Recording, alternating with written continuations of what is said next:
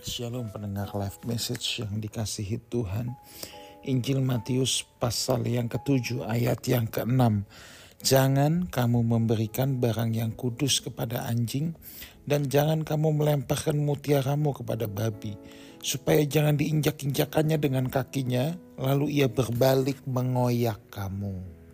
Saudaraku, ucapan Tuhan Yesus ini adalah salah satu ucapan yang boleh dikata kasar saudara, belak-belakan. Karena dikatakan jangan kamu berikan barang kudus kepada anjing. Tentu saudara kalau kita mau jujur, apa sih yang dimaksud anjing di sini? Apakah herder, doberman, pitbull? Tentu bukan saudaraku, tentu bukan. Konteks di sini ketika Tuhan berkata jangan kamu memberikan barang yang kudus kepada anjing, yang dimaksud itu bukan anjing sungguhan.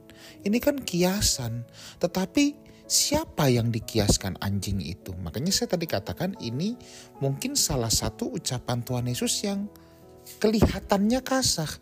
Tetapi nggak apa-apa kasar sekalipun. Sebab ini kenyataan. Saudara ya. Tuhan sedang ingin mengajar barang yang kudus itu bukan buat anjing. Nah, Kembali lagi saudara, siapa anjing yang dimaksud dalam konteks ini yang jangan diberikan barang yang kudus. Jangan dikasih mutiara ke babi. Nah ini kan bukan rospok, casyupok, bukan. Ini kan sebuah penggambaran. Penggambaran apa? Rupanya yang dimaksud anjing dan babi di sini adalah orang-orang yang tidak menghargai hal-hal yang kudus dan mutiara yang berasal dari Tuhan. Apa itu mutiara dan barang yang kudus? Yaitu kebenaran Tuhan sendiri, pribadinya sendiri, kehendaknya sendiri. Nah, sebenarnya pelajaran yang bisa diambil di sini apa, saudara? Pelajaran yang bisa diambil adalah Tuhan tidak akan mewahyukan dirinya atau memberitahu kehendaknya kepada orang yang tidak niat atau tidak punya kebulatan hati untuk menjadi pelaksana kehendak Tuhan. Ya.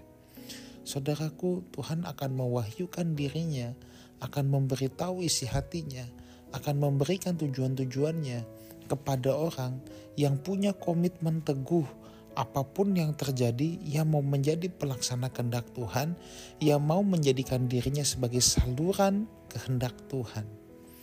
Masalahnya adalah ada banyak orang pengen tahu dulu kehendak Tuhan yang mana, enak atau enggak. Kalau enggak enak, jangan aku Tuhan, suruh aja yang lain. Bagianku yang enak-enak. Nah ini persoalannya saudara ya. Ini persoalannya. Tuhan hanya memberitahu kepada orang-orang yang dia itu kan maha tahu ya. Dia akan beritahu kepada orang-orang yang memang punya niat, punya niat untuk melakukannya, apa pun harganya saudara apa pun harganya, enak atau tidak enak, tetapi orang tersebut mau melakukannya. Itulah yang disebut orang-orang yang bisa menghormati kekudusan dan menghargai kebenaran Tuhan. Kalau orang yang sudah sengaja tidak mau melakukan hal-hal yang berkenan di hadapan Tuhan, yang secara sengaja melanggar kekudusan Tuhan, ya untuk apa Tuhan kasih tahu rahasia-rahasia pribadinya kepada orang-orang tersebut.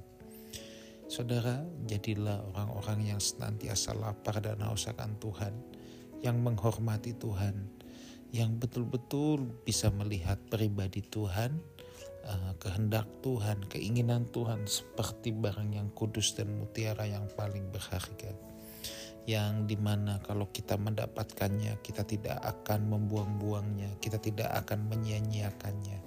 Tapi kita akan jaga itu baik-baik. Jadilah orang yang demikian terhadap maksud dan rencana Tuhan. Tuhan Yesus menyertai kita semua. Amin